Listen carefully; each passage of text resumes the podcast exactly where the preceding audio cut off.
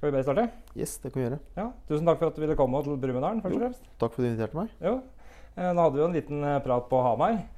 Som vi hadde en liten brainstorming rundt, eh, rundt hva vi skulle prate på. Yes. Og bli litt bedre kjent. For jeg slo jo opp Hamar Arbeiderblad en morgen her.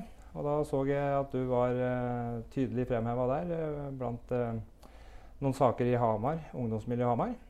Det stemmer. Ting som skjedde på CC bl.a. da spesielt. Mhm. Og så leste jeg videre for å bli litt kjent med deg, historien din. Og eh, du heter jo Mirsa, det glemte jeg å si. Mirsa, Du kan Mhm. få si hjertenavnet ditt sjøl. Romalik. Romalik. Romalik, som nordmenn sier. Romalik, ok. Ja, eh, men Mirsa, det går bra. Det går bra. Eh, og mm, jo mer jeg leste det, jo mer så skjønte jeg og egentlig tenkte at det, han fyren her, han skulle vi hatt på alle skoler i hele landet. En lærer som ikke er helt firkanta, gjerne med litt tattiser og skjegg, og Ja, det er hyggelig. som tør å si meninga si og ikke er redd for å prøve. Og så hadde du òg en bakgrunn og en business og litt uh, andre ting som òg gjorde at jeg skjønte at det er noe tyngde da, bak eh, meningene dine. Ja, det er det. Så eh, jeg vet men Du kan jo først prate litt på altså Du er jo ikke født og oppvokst i Norge. Nei, det er jeg ikke Jeg kom hit som fireåring. Uh, Er opprinnelig fra Bosnia. Så når borgerkrigen starta, så Etter litt om og men og en liten stund så klarte vi å komme oss eh, ut fra Bosnia inn til Kroatia før vi ble videre sendt til eh, Norge. Og da hadde Samlingspunktet vårt var eh, Kroatia, for pappa satt i konsentrasjonsleir med bl.a. bestefar og min onkel. Mens han andre onkelen min var med sin kone og sin da to år gamle sønn i en provins i Serbia. Så han kom seg til Norge etter hvert, mens vi kom oss litt før han. Ja. Så samlingspunktet var først Kroatia, og så ble vi alle sendt til uh, Norge. Så da var vi ganske takknemlige for å komme til Norge, siden det er jo på et verdens beste land å bo i, da. Ja, du mener det? Jeg mener fortsatt det, selv om det er en del ting som kunne blitt utbedra. Men hvilket land har ikke utbedringspunkter, selvfølgelig. Så vi var, eh, kom hit. Da ble vi plassert først i, på Åkershagen, på um, asylmottaket der. Ja. Vi bodde ett års tid. Eh, så ble vi videre plassert til Stange. Hvor eh, vi er på et oppvokst. da, Hamar, eller Stange og Hamar-området. da. Men det var i hovedsak Stange jeg vokste opp da, fram til jeg var ca. 18 år, 19. Og så var det litt i Elverum for å studere, og så var det til Hamar. Og, hvor jeg det ble bonus. Hatt lite opphold i Sandvika, men i noen måneder, og så tilbake til Hamar igjen. Ja. På Hamar som er på det stedet mitt, da, som, Akkurat. hvor jeg trives godt. og ja. Hvor mange år har du bodd i Hamar? Jeg har bodd siden jeg var sånn ca. 19 år. Litt av og på. Eh, men hovedsak da, så har jeg vært der siden jeg var 19 år, og så er det Hamar jeg har oppholdt meg mest i. Da, og fått miljø her da, rundt omkring. Og jobba i Hamar-skolene siden jeg var ja, 19 Først på litt på Ottestad ungdomsskole. Så litt på Romedal. Og så begynte jeg på Ener når jeg var 22, og så nå har jeg blitt der siden da. Nå er jeg 35. Ja, så du er på ener nå i dag? Nå er jeg på Ener ungdomsskole, ja. Mm. Men det er litt av reise du har hatt eh, for å komme hit i dag? da. Opplevd både krig, eh, flukt, eh, konsentrasjonsleir som familie har sett i tid. Altså, har med deg noe bagasje og noe erfaring? Uh, uten tvil. Det er jo mye ting man opplever. Eh, heldigvis nå Jeg var fire år gammel når krigen starta, så jeg skal ikke påstå at jeg husker alt. Jeg husker en del. Uh, som på en har preget meg litt i senere alder. Da. Så Før så tenkte jeg ikke over at det skulle prege meg noe som helst. Tenkte det var greit, jeg opplevde det her. Og that's it. Men skjønte at uh, når jeg ble litt mer voksen, så kom det litt mer fram på overflaten. Som satte sin litt mm, preg på, på livet mitt, mer enn det jeg hadde kanskje trodd jeg skulle gjøre. Men det har jeg heldigvis fått det ganske greit under kontroll på nå. Og kan ikke si det preger meg mye, men i perioder gjør det det selvfølgelig. Så det er litt bagasje man drar med seg. Så er det litt opp til hver enkelt. Da. Hva har de tenkt å gjøre med den bagasjen, og hvordan har de tenkt å takle det. Jeg har ikke tenkt å bruke det som en unnskyldning for uh, verken min oppførsel eller mine handlinger. eller noen ting. Jeg tenker ok, greit. Det er sånn det er. Det er det jeg har av bagasje. Deal with it. Takle det på en god måte. Så min måte å takle på er uh, jobb. Jeg er blitt uh, mer eller mindre litt sånn arbeidsnarkoman. Jobber fryktelig mye. Det har jeg egentlig gjort siden jeg var uh, 22 år. Hatt alltid fire-fem jobber, mye baller i lufta. Og så har jeg på en ja, utvikla meg til den personen jeg er i dag. da. Og i hovedsak så er jeg på en måte Mirza læreren. Og så har det vært uh, greit. Da jeg begynte jeg å jobbe på institusjon. Begynte å jobbe på, som dørvakt. Og så senere starta jeg et treningssenter. Og så jobba litt sånn på dugnadstjeneste da, med, med hvordan uh, hjelpe ungdom. da. Mm. Som har utvikla seg nå til jeg har fått en rolle i Hamar kommune. En rolle eller en jobb, eller hva er det du har? Det blir, uh, det blir en rolle i noe som heter Ung 16. Uh, som skal, det er et konsept som er tatt fra Tromsø. Som skal hjelpe ungdom som uh, sliter litt. da. Og da er det ungdom som sliter enten for med skolevegring, ungdom som sliter med um, sosialt eller miljø, eller skeier ut, har problemer med å forholde seg til regler, eller andre typer problemer. da. Så kommer de på det inn i det teamet vårt, da, eller det navnet kommer opp dit, og så skal vi sette tiltak. da. Så jeg jobber jo på det i Ung 16, så har jeg på, på tiltaksfronten. Uh, setter opp tiltak, hva som kan gjøres. Og så har vi på det andre team som jobber mer direkte mot ungdommen. da. Typ noen mentorer som har på det kommet til ganske mange andre steder nå rundt omkring i Norge. Så er det noen tiltaksteam, sånn miljøteam, da, som jobber mer direkte opp mot ungdommen og setter de tiltakene til live. da. Ja. Det er et ganske stort system, da? Er det mange Um, involverte, eller er det Uh, Altså Ung 16 stort. tenker jeg på? Ja, det, det er en del involverte. For det er jo samarbeid mellom skoler, politi, eh, psykologer, BUP, MSD. Så det er, på, det mange assistanser som er med på banen for å ivareta ungdommen på best mulig måte og gi best mulig tiltak. Ja. Så det er på et tverrfaglig team da, med folk som sitter rundt det bordet og som skal snakke tiltak. Og det som er fint, er jo på at alle har jo på sin ekspertise, så vi kan bidra positivt. da. At alle kan dele sine erfaringer, hva som kan funke. og det er, ja, Så blir det på en ganske bred kompetanse på, rundt det bordet. da. Mm. Og um, Det var jo også noe av grunnen til at jeg tok kontakt med deg. For at uh, de som kjenner meg, da, vet jo at jeg er veldig opptatt av å putte erfaringskompetansen inn rundt det mm. bordet òg. For jeg ser at det er ofte at det samles lærere og folk med forskjellige, forskjellige erfaringer fra, fra både jobber og, og forskjellige ting i livet. Men, um, men uh, jeg ser òg fra tidligere erfaringer at uh, hvis du plasserer en som har rusa seg Mm. sjøl, så oppnås veldig lett tillit, kontakt og åpenhet blant den som skal ut av rusen. Mm.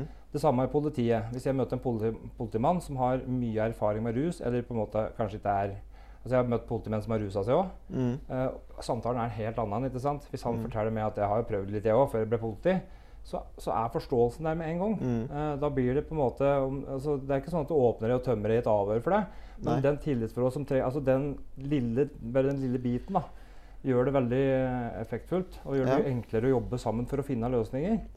Åssen er det i Ung 16? Har dere med noen erfarings, med erfaringskompetanse fra de aktuelle temaene som dere jobber med? Rus eller vold? Ja, eller? det har vi. Eh, vi har jo godt erfarne folk som har på jobba mye i sitt felt. da. Mm. Så på en er jeg på det, kanskje det tilskuddet kommer på en fra gulvet, om jeg skal kalle det det. Som på det, har mye kontakt med eh, de ungdommene som det her gjelder. da. Eller kjenner til den ungdommen direkte eller indirekte, for at jeg har jobba mye med sånne caser før. da. Så vi har på jeg har på blitt tatt inn da, som den som kommer, som er ganske nære elevene. da. Så da på måte blir det lettere å kanskje forstå litt hva de elevene trenger, og litt hvorfor de har det som, som de har det. Så jeg vil påstå på at nå på er vi ganske bredt team for å dekke alle de punktene som vi, som vi trenger å dekke for å kunne ha et optimalt team som funker bra. Mm. Som kan ivareta den ungdommen på best mulig måte. Ja. Og, og hvor utbredt er Ung 16? Du sa det var tatt fra Trondheim. Er det bare Trondheim og Hamar? Nei, Tromsø er den første. Ehm, det er der jeg hørte om det konseptet. Ehm, så de, nå har vi prøvd å få det til Hamar. Det er sikkert andre kommuner i Norge også som har prøvd eh, noe tilsvarende. Det kan jeg egentlig ikke si hvor utbredt det er, men det er i hvert fall noe som burde bli mer utbredt hvis det ikke er i flere kommuner. Da. For et fint tiltak eh, som kan skjerme de mye.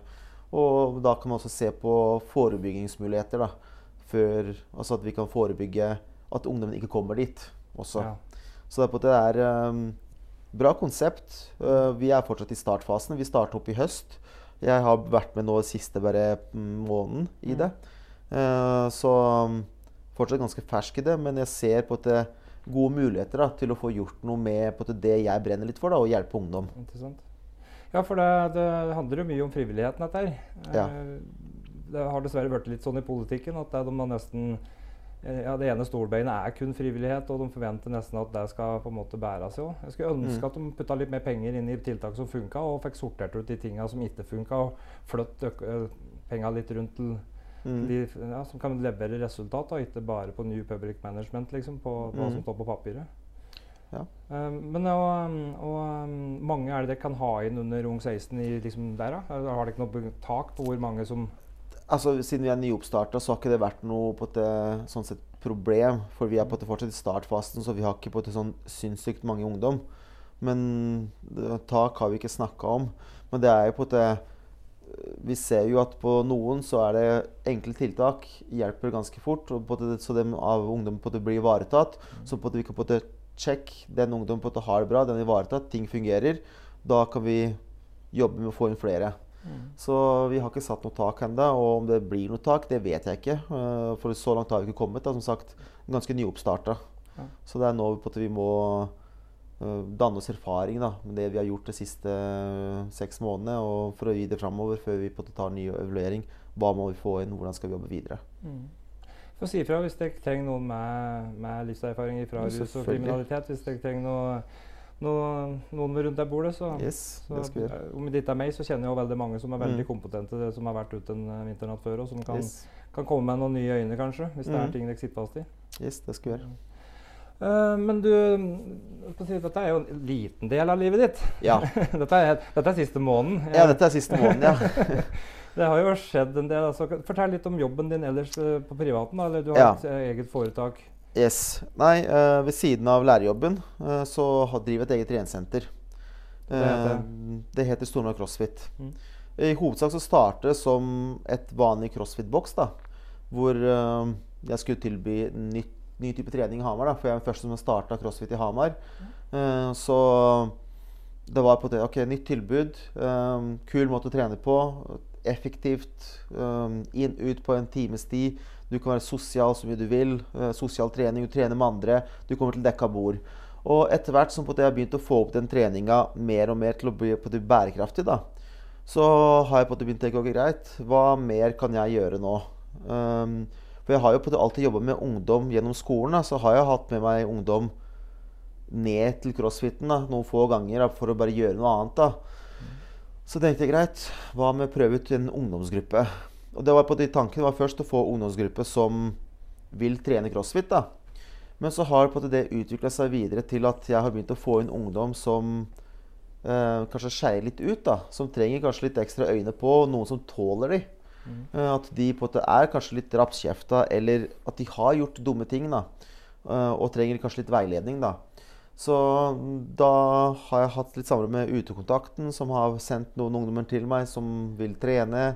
Og så har jeg på en ja, tatt til tak sjøl. Sett ok, greit, du vil trene, kom til meg. Så kan vi prøve å få ordne noe, da. Mm. Jeg prøver ikke å ha for mange av Hva skal jeg si? Jeg kan ikke si problembarn, men altså, jeg, jeg prøver ikke å ha for mange av de som sliter. For jeg vil at de skal på en måte komme seg i et godt miljø. Og det miljøet vi har nå på crossfiten med de ungdommene, er godt. Det er bra miljø. De trener sammen, de tar vare på hverandre, de snapper sammen.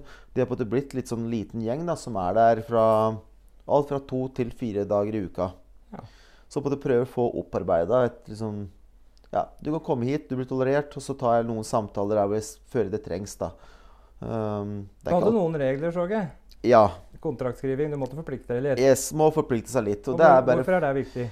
Nei, jeg tenker at uh, hvis du klarer å forplikte deg til en enkel kontrakt da, med f.eks. møte opp tidsnok, gi beskjed når du ikke kommer, eh, gjør det du får beskjed om på treninga, at det kan på en måte hjelpe å danne litt en struktur. da, At du kan klare å følge andre typer regler da, som vi, du kommer til å møte i samfunnet. da. Det å forholde seg til enkle regler.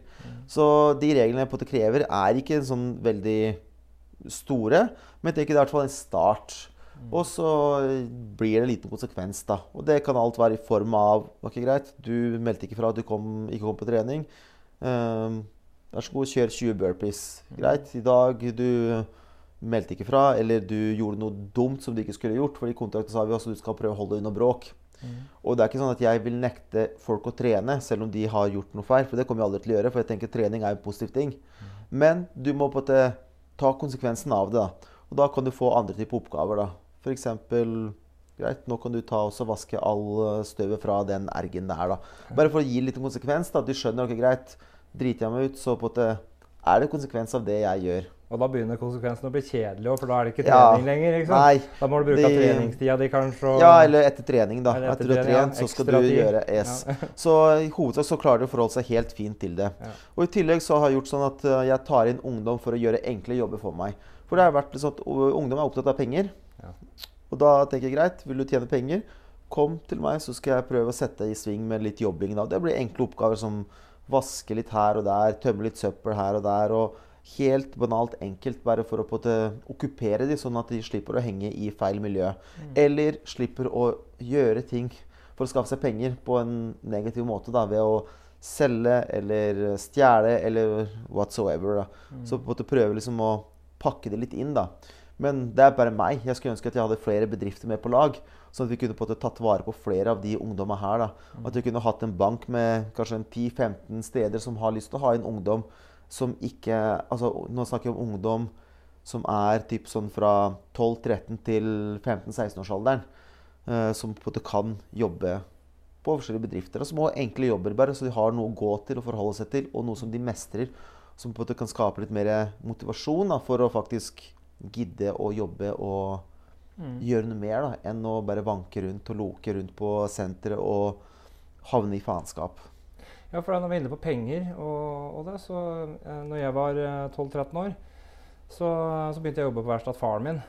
Jeg satt og lagde presenningstau i flere timer. Satt og Mm. brant tau og kutta og brant tau og kutta. og husker jeg fikk fem kroner timen eller hva det var. Mm. Men den der følelsen av å ha tjent penger og jobba på verksted, og være verkstedgutt, jeg som var så glad i mekanikk og sånne ting, Mm. eh, det, det, det gjorde noe med meg. Jeg fikk jo mye mer lyst til å jobbe enn å gå på skole, i hvert fall etter å Ja. ha opplevd det.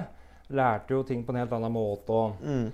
og sånne ting. Og, og ser du noe forskjell på altså Nå vet ikke hvor altså Du kom jo hit såpass tidlig, så du har vel hatt noe erfaring med ungdom, jobba i ungdommen du òg, kanskje? Eller hatt noen Mm. sommerjobber og, og det. Og jeg, jeg vet ikke, er det altså, Dette er min oppfattelse, da, men er det, er det litt sånn mangelvare for ungdommen å få de der sommerjobba vi hadde, på en måte? De der som Både og. Det er litt opp til hvor mye du gidder å sjekke ut sjøl, og hvor mye du gidder å involvere deg. For hvis du vil ha en sommerjobb, så klarer du alltid å skaffe deg en sommerjobb.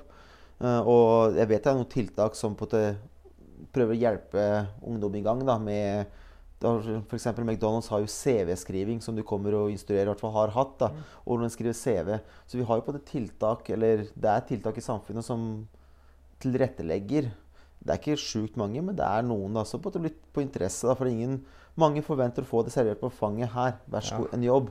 Det funker ikke sånn. Så på måte, de må litt opp i ringa og prøver liksom ser etter de jobbene. Men det er jo selvfølgelig kanskje litt strengere regler nå kontra når vi vokste opp, da, eh, med både skatt osv. med tanke på de jobbene. Så det er på en måte litt mer formelt nå enn det det kanskje var når jeg jobba uh, Ja, som det 16-åring. Du skal jo ha bort alt av kontanter og alt som er. Og det, Ja. Så det må jo være ryddig i det du skal gjøre. Men, eh, Yes. Men hva er det nå, nå skjønner jeg at det, ungdommen er jo veldig glad til sikkert å bruke penger på, på hva som interesserer dem, men eh, er det, hvordan oppfatter du altså, bruken av penger til de ungdommene på ungdomsskolestadiet? da? Altså, Hva er det de bruker penger på? Altså, jeg føler det er alltid som det alltid har vært før. Klær at det er jo klær. Det er jo på en måte mye moteklær. da, Som Moncler-jakker til flere tusen kroner. Eh, de må ha den og den skoa, skoen, eller om det er Jordans eller Nike Air Max eller hva det heter for noe. Så på en måte det er eh, Bare prøv, skal jeg sjekke om døra er? For jeg syns det trekker veldig Ja. kaldt. jeg. Nei, så det er nok eh, Det er mye Mye på klær, da. Og så er det selvfølgelig litt sånn De gamergutta, da, eller jentene, de bruker mye på gaming, da. Ja. På det. Så det er, som, det er jo det samme som alltid har vært. Det er bare at ting har blitt veldig mye dyrere. Eh, Og Der har ikke lønna ført etter verken de voksne eller unge. Altså, ser jo det at Lønnsøkningen følger jo ikke prisveksten i, i samfunnet, så det, det går jo på en måte på stumpa løs. ja. Og det jo kanskje gjør at mange skeier litt ut og begynner å gjøre litt uh, Ta litt feil valg da, for å tilegne seg de samme tingene. For de vil være én i gjengen. da. En av mange som har den, den lua eller jakka eller hva enn det er. Og raske penger det er jo alltid fristende når du er både ung og voksen. egentlig. Altså det, Ja, selvfølgelig. Du tar kanskje litt bedre, bedre valg da, etter hvert som du blir voksen, men, eh, men er du ung, så ser du kanskje ikke helt konsekvensen av å, og teste litt og prøve litt. For vi slipper, når vi er unge, så slipper vi unna alt, tror vi. Vi tror at Ja. vi går under radaren på alt, men, eh, men eh, jo lengre du går under radaren, dess verre blir det å komme oss ut av. Mm. viser det seg. Hvis du kan ko komme med en tidlig intervensjon og faktisk få tak i det der, så viser jo det seg at det er veldig effektivt. Ja. For du utvikler jo et mindset. Mm. du, altså, du blir jo som dem du flyr med. Og Ja. du med kriminelle, så spiller det ikke noen rolle om du kommer fra den mest velstående og ordentlige familien i hele verden. liksom, med, Mm. med gode rutiner. For jo mer du tilbringer tid der, jo lenger flytter du grensene dine. Så det Yes, og det er det på vi, både jeg som lærer og når jeg jobber med det her, prøver liksom å veilede ungdom på det. Som den enkleste veien er ikke akkurat den beste veien. Det er liksom tenke konsekvens, og derfor har jeg den kontrakten med konsekvens. Eh, Elevene mine eh, på skolen da, de får jo konsekvens. Jeg har jo noen tiltak jeg har gjort med noen gutter, og at jeg sender de ut på jobb. fordi det er sånn som alltid har vært, at eh, skole er ikke for alle. Eh, det er ikke alle som trives på den skolebenken. Eh, og da må vi på en måte vi i skole prøve å tilrettelegge best mulig. Da. Og det er noen av de tiltakene vi har gjort, på min skole, er at vi har noen plasser, eh, utplasseringsplasser med gårder eller eh, bedrifter som på de kan komme og jobbe på. Da. Men der har jeg på, på spesielt den ene gutten min, så har jeg at ok, greit, forholder du deg ikke, så får du ikke lov til å reise og jobbe. Og da må han gjøre det nødvendige skolearbeidet for å kunne reise ut. da.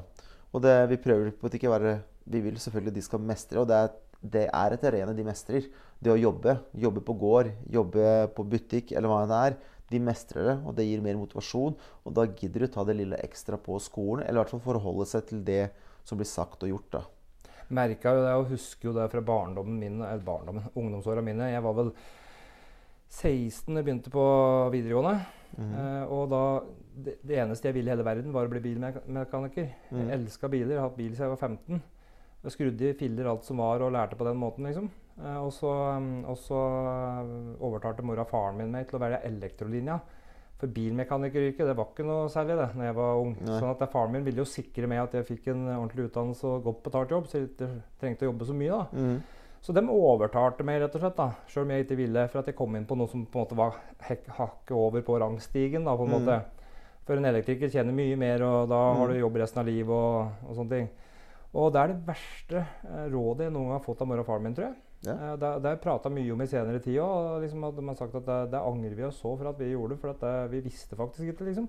Nei. Eh, for jeg ble skikkelig skoletrøtt, skikkelig skoledøy, og, og endte da opp med masse fravær og, og begynte å jobbe litt av fatter'n innimellom. Mm. Uh, og så fort jeg hadde begynt å jobbe, da, så var jo veien tilbake på skolen den er, den er lenger. Ja. altså. Det, Mm. Når du har begynt å tjene egne penger og begynt å bli vant til de penga. Mhm. Så, men fatter'n var ganske streng, men rettferdig. da. Så at han sa da at eh, hvis du skal bo hjemme, så skal du enten jobbe eller gå på skole. Mm. Uh, og så, Det skal være sånn og sånne regler, og det må du forholde deg til. liksom. Uh, og hvis ikke så må du betale husleie. Mm. Så jeg fikk jo jobbe etter skolen og i helger og sånn attåt. da. Så jeg hadde Mm. jo, jeg ble godt vant til å ha jobb og måtte liksom måtte ordne opp for meg. da. Mhm. Så jeg tror at det har på en måte redda meg i den, rus, uh, den aktive rusperioden min nå. Mm. Altså, jeg fikk med meg folkeskikk. Jeg har lært å si takk for maten og ta meg på beina når jeg går inn til folk. Det har jeg alltid gjort i rusmiljøet òg. Mm. Uh, og rydda bort uh, fra bordet etter meg og, og prøvd å være ordentlig sånn, liksom. For at det har betydd noe for meg, liksom, å være Mm. den typa. da. Så, så jeg tror sånne ting er veldig, veldig viktig. Ja. Men noe av det jeg opp, opplever, da, av de jeg prater med, er nå at hvis du er aleneforelder, da, eh, òg var mer vanlig i dag enn det var før, kanskje. For da var jo, ble det jo en kjempesnakkis i bygda hvis mor og far gikk ifra den, Det skulle Mm. helst ikke sies til noen heller, ikke sant? Men, eh, men nå så er det litt mer vanlig å skifte, skifte holdt på å si. Mm. Eh, men, men de foreldre jeg prater med, da, de sier at jeg, altså, jeg er aleneforelder eh, altså halvparten av tida. Jeg må ha to jobber for å, for å klare å betale husleie og sette mat på bordet. Eh, sånn at guttungen kommer hjem igjen fra skolen til tomt hus, eller vi møter hverandre i døra. Og da har jeg fiksa noe middag eller et eller annet, ikke sant, som han må ta i mikroen. eller mm. et eller annet sånt. Og når jeg kommer igjen fra kvelden, da, så er jeg sliten. eh, for jeg har jobba to jobber. og og, det, og da, liksom, det, Vi får aldri den gode samtalen over mat- eller middagsbordet, da, der ofte, eh, ofte de gode samtalene skjer. Hvordan registrerer du det i forhold til elevene dine eller på skolen din? da? Altså, ser du at det er en merkbar forskjell med dem som på en måte har storfamilien rundt seg? Det kan jeg ikke uttale meg så mye om, egentlig. For jeg har ikke, har ikke egentlig kjennskap så mye på at det, De elevene jeg kjenner til, liksom, de har to foreldre, og stort sett så stiller alle foreldrene opp. Så på at jeg kan ikke Jeg kan egentlig ikke uttale meg så mye om akkurat den delen der. For alle familier er forskjellige og forskjellige streamer, så den, den blir vanskelig å svare på. Ja, nei, men Det er helt i orden, det. Men hva, hva tenker du på en måte er utfordringa, eh, bortsett fra ufrivillig skolefravær da, og de tinga der? Eh, Ser du noe, på en måte hva som er største grunnen til f.eks. skolefravær? da? Nei, altså Skolefravær, det kan være så mangt. Altså Alt fra vil ikke til dårlige opplevelser. Så det er på en måte ganske mye som kan prege den skolehverdagen, og hvorfor man ikke vil på skolen, og hvorfor man får mye skolefravær. Så det er ingen spesifikk grunn, tenker jeg. For alle saker er forskjellige. Men hvis du ser bort ifra da, de som skulker eller på andre måter på en måte velger da, å være Mm. borte fra skolen uh, For det er jo mye prat om mobbing i skolen nå. og Mm. sånne ting. Jeg vet ikke åssen det er på enerskolen, men uh. Altså, jeg skal ikke påstå at vi ikke har, eh, at vi har null mobbing, men i hvert fall nulltoleranse for mobbing. Og vi setter inn de nødvendige tiltakene for å fjerne hvis det er noe eventuell mobbing. Så jeg på en måte føler ikke Vi er i hvert fall nå kan snakke for enere sin skyld. At mobbing kan skje. Selvfølgelig. Det skjer på alle skoler. At det kan skje bak eh, læreren sin rygg. Selvfølgelig. Men i hvert fall det jeg kan si hos oss, at vi tar tak i det og vi prøver å få det bort. Og vi setter inn tiltak så fort eh, vi oppfatter at det er noe som skurrer. Så hos oss så er rutinene ganske gode på det. Jeg tror kanskje Hamar generelt, Hamarskolen har generelt gode rutiner på det. Men at det skjer mye på forskjellige skoler, ja, det gjør det nok. ja, Og- nå er det jo alle sånn. ja, og det er nok kanskje mye forskjellige typer grunner. Og at noen kan f.eks. bli en skolevegrer, f.eks. At han opplever mobbing. Selvfølgelig. Men jeg tror på at det er jo Det er nok mange andre problemer vi opplever på skoler nå som vi ikke kanskje hadde før. da. Mm. Så det er på det nye samfunnet er i endring, og dermed også endrer problematikken seg Mm. uh, på skolen og for skolefravær osv. Jeg leste noen tall, oppdaterte tall her fra, fra Dagbladet, for Dagbladet har jo vært veldig på med mobbesaker. i det. Mm. Så de har vært veldig mye framme i media og, og sjekka opp eh, tall og sånn. For det finnes jo ikke noe fraværsregister som egentlig Nei. kan si at så, sånn er det. Men jeg tror de fant ut at fra 5. til 10. klasse i hele Norge eh, Så klart, det er jo sikkert noen mørketall der òg. Så var det da jeg mener det var 50 eller 60 000 eh, elever som følte seg utrygge eller mobba. Mm. Som var i situasjoner. Og så var det ta det med lite av klype salt, men det var ganske mange tusen, eh, om det var 22 000, som sto utafor i, i lengre fraværsperioder pga. mobbing eller, eller andre ting da, som førte til ufrivillig skolefravær. Da snakker vi ikke om skulking Mm. eller eh, at du er skoletrøtt, liksom. Men at det er andre ting som påvirker at du ikke klarer å dra på skole. da. Mm. Og um, nå prater jo så, så klart jeg med antageligvis de det, verste tilfellene, da, eller sakene. ikke Mhm. sant? Mm. du kan jo sikkert ta ti saker, og det er ikke så mye der i den store sammenheng. Men for Nei. den det gjelder, så er det et sinnssykt opplegg å stå til. Mm. Og skal være gjennom statsforvalter, barnevern, skole. Og den måte av utfordringen jeg eh, hører der, da, er at eh, hvis det blir meldt inn en mobbesak, så, så har jo da skolen et ansvar om å ta tak, som du sier, Mm. et tiltak. Og de har jo sikkert en plan på det. Yes. Eh, og, men eh, det som, den tilbakemeldingen jeg får, er at det noen skoler da, har litt utfordringer med å få dette til å skje kanskje raskt nok pga. økonomi, eller at det er kanskje sykefravær blant lærere eller vikarer Mm. og sånne ting. Uh, og, mm, og den tida det tar da, fra en sånn sak blir oppretta, en 9A-sak eller 9A5-sak eller noe, noe sånt Mm. da. Så det verste tilfellet jeg hørte her nå, var jo på den konferansen vi holdt sjøl, uh, hvor ei har sittet på gangen eller vært utafor skolen i ni år. Mm. Eh, og eh, ei som jeg prata med i distriktet her, eh, som hadde et barn da, eh, som hadde vært utafor i tre-fire år. Og har fått medhold i, fra statsforvalter tre-fire ganger. Mm. Og da går jo litt skolen litt tom for tiltak, hvis du skjønner hva jeg mener. Ja. Eh, har du noen tanker om hva som kunne vært et ekstra tiltak? Altså sånn som du sier, Ung 16, eller no, Ja. noe du kunne ha bidratt med der for å fylle det hølet, Ja, sånn at det, de hadde det er litt sånn type saker vi har litt i Ung 16. da. Ah, ok. Sånne type saker dukker opp hos oss. da. Ja. Hvor vi setter inn uh, forskjellige typer tiltak. da. Og det, og det på det nye er jo f.eks. det med at vi har begynt med mentorer. Uh, som skal på en måte bli kjent med den ungdommen det gjelder, og kanskje klare å prøve å motivere. Og i tillegg så er det på en måte innblanda med BUP, psykologer, eh, gode relasjoner som elevene har fra før, for å motivere for å komme til skolen. Så det er jo på det, I hvert fall her i Hamar så er det Det jobbes godt med det, med de sakene. Men det er litt å liksom foreldre må også være med litt på lag. For uh, ofte så føler jeg at skolen får all støyten. Vær så god, dere skal fikse det her. Mm. Men tenk sånn Ja, det er greit nok vi kan bidra, men vi trenger også hjelp fra foreldra som kan backe oss opp. For ofte føler jeg ja, vi har prøvd å få den opp, vi får den ikke opp. Og så Hva kan dere gjøre? Og det er sånn Ja, hva kan vi gjøre? Fordi det skjer hjemme. Eh, jeg er ikke hjemme hos dere. Jeg får ikke gjort så mye da. Ja, vi kan sette inn tiltak og dra hjem hvis det lar seg gjøre.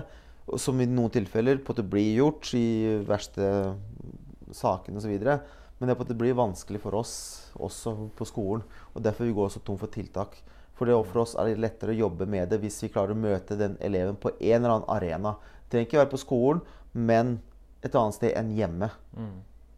Ja, for det, ofte så er jo skolen veldig utrygg plass da, for Ja. den eleven. ikke sant? Den vil Mm. aller helst kanskje ikke tilbake. Selv om den vil tilbake dit, for det er jo der den har de andre vennene sine, kanskje, men så Mm. er det noen få, da, eller noen situasjoner, kanskje også lærere også, som, som har håndtert ting litt feil, så det blir, eh, du blir liksom litt eh, Ja. Du, du, blir redd for å gå på skolen til slutt, da. Mm. Eh, og, men når vi er inne på foreldre, da, for det Jeg var jo heldig. Jeg fikk jo et par som fungerte på, på veldig mange ting. Mm. Uh, men jeg opplever òg at uh, både bekjente av meg og de jeg ikke kjenner, er veldig harde tilbake mot skolen hvis ikke de får uh, hva kan vi kalle det, viljen sin. Eller Ja. Eh, hvor mye er det av det? Ja, altså Jeg ser en tendens nå i økning på det. At for, foreldre er mer misfornøyde med oss eh, lærerne. Uh, siden jeg starta som jobbet som nå var jeg vel 20, var det tidligste på klassen jeg hadde sånn fast. da, Kontra nå. Nå føler jeg på at vi får litt mer motstand. Før hadde vi kanskje foreldre litt mer på lag. Nå snakker jeg ikke for alle, men jeg skal ikke dra alle under en kam. Men vi opplever oftere at foreldre blir litt uh, steile mot oss på ting vi sier eller tiltak osv. Så, videre. så det er en økende tendens. da. Men det som blir viktig for oss, er på at det faktisk står i det. For det er vi som er profesjonelle i det her. Det er vi som har utdanninga, det er vi som har kompetansen.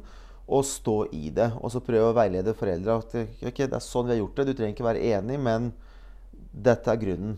Mm. At vi har gjort det, osv. Og så prøve på å få en forståelse for hverandre sin reaksjon. Hvorfor vi setter inn det tiltaket eller det tiltaket. Og så må vi forstå at foreldrene blir frustrerte over. Og de er selvfølgelig de er desperate til å få det til å funke. Så vi har jo forståelse for det. Men vi merker altså at det blir litt vanskelig i visse ting at, uh, å få det til å funke helt optimalt. Som sagt, nå skal ikke dra alle under en kam, men vi ser uh, i tilfelle at det på måte skjer. At det forekommer ofte, da. Og, det, og der har jeg liksom vært litt sånn nysgjerrig på hva, hva er det som egentlig gjør dette der? For at det, det må jo være en grunn fra, fra da jeg var 15-16, da, eller 15. Um, for da, Mutter'n og fatter'n hadde jo en respekt for lærere. Altså Når de kom inn i, i foreldremøter og sånn, så var det ikke snakk om å snakke, im- prate imot læreren da. Da, da Mm. dytta du og hadde en respekt, og det var en autoritet. liksom. Mm. Eh, og jeg tror det er sunt med et sånt forhold til skolen. da. Altså, om du, du skal ikke være redd om eller at du skal ikke være underdanig, men, men jeg tror det er sunt å på en måte prate med folk med en sånn en respekt da, for yrket og for jobben de gjør. Altså Uansett hvor man er, så er det på viktig med den respekten. At Mhm. man viser respekt for hverandre. Men dessverre så har det blitt litt sånn at eh, læreren sin rolle har jo endra seg drastisk. eh, og vi har fått flere og flere arbeidsoppgaver.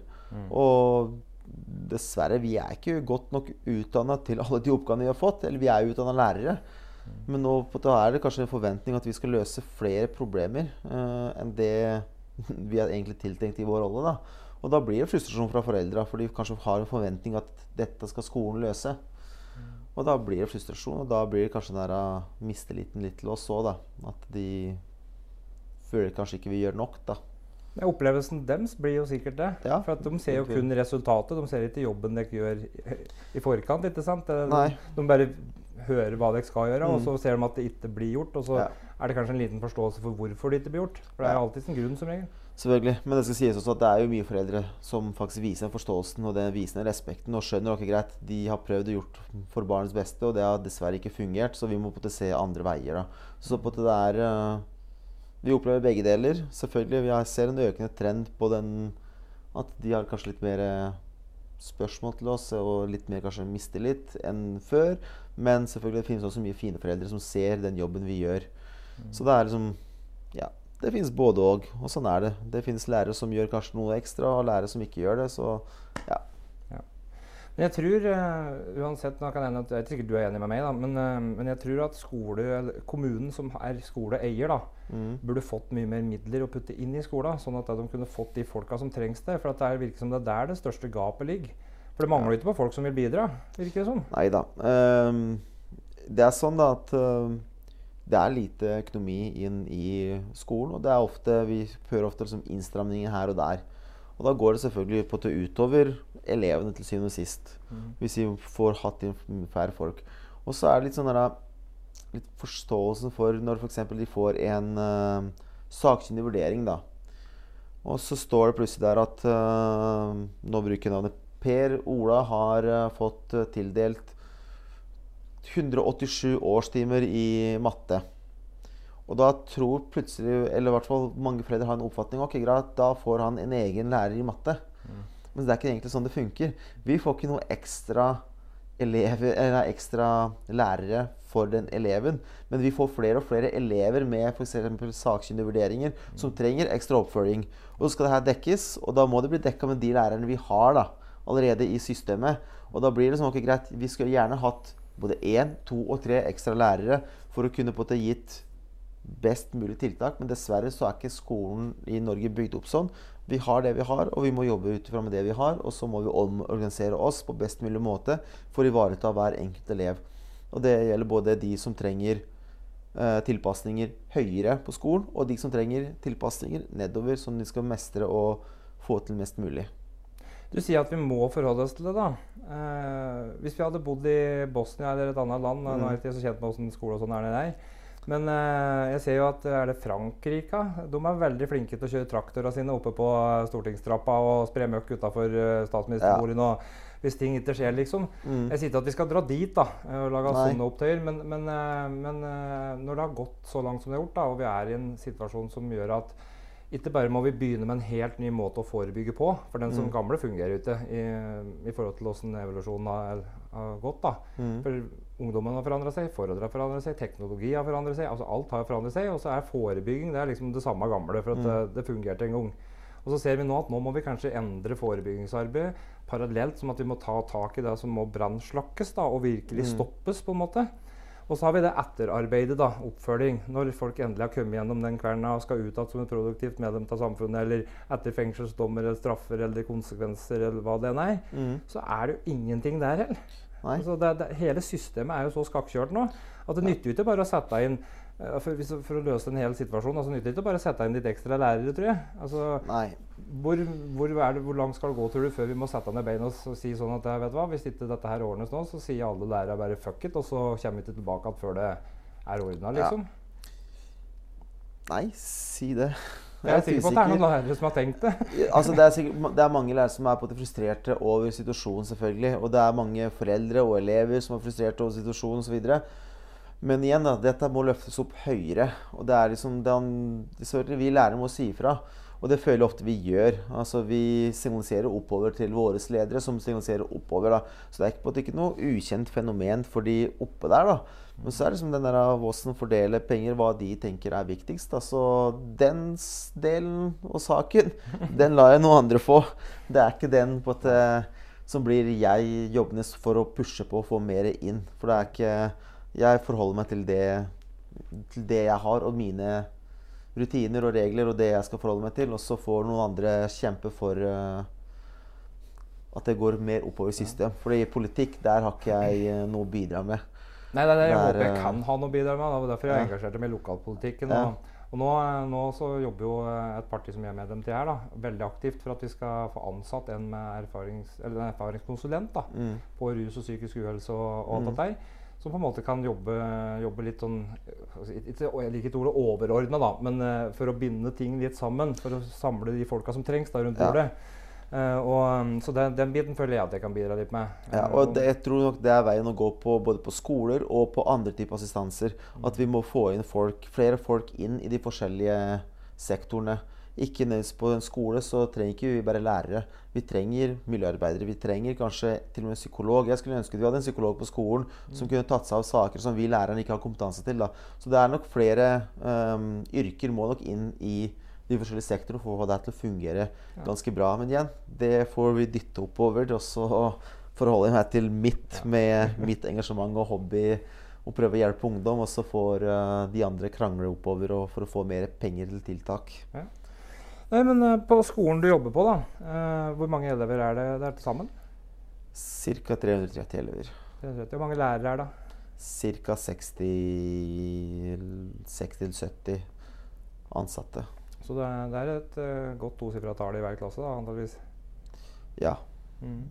Vi er 110 eller 100, 110 ca. per trinn. da. Og så er de igjen delt inn i Hvert trinn har jo på til to klasser, og innad i den så er det delt inn i tre. da. Mm. Så vi har på til seks grupper da, i, på hvert trinn. da. Og så er litt fordelinga annerledes i hvilket fag vi har. da. Hvis dere hadde hatt uh, si tre til fem voksenpersoner, da, uansett hva de har, om, om, det bare er erfaring eller kunnskap eller uh, kompetanse, eller si, si, dere får tre personer, da, en mm. som har fagkunnskapen, en som har kompetansen og en som har erfaringa, mm. til å gå ut i skolegården uh, og, og, så liksom på en måte være til stede mm. og plukke ting som skjer. da, For jeg tror at tidlig intervensjon som vi prater på, se settinger når de skjer, og kunne eh, på en måte håndtere det der. Mm. Uh, hvor, hvor, mye enklere tror jobben deres hadde vært da? Altså, er, det, er, det, sånn at dere må ut i skolegården og på en måte blande dere inn? Vi har inspeksjon, og vi prøver å snakke med elevene.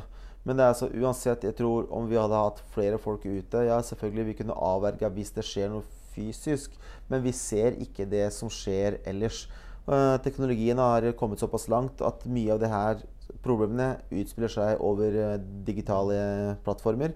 Sånn at vi på det kanskje ikke får vite før det faktisk du ser noen gråte. Eller at noen kommer og sier fra oss nå har det skjedd noe. For det, er, det, skjer så mye skjul at uansett Jeg vet ikke hvor mange vi kunne vært. Men det er noe på at vi klarer ikke dekke det som skjer på de dingsene vi har i lomma.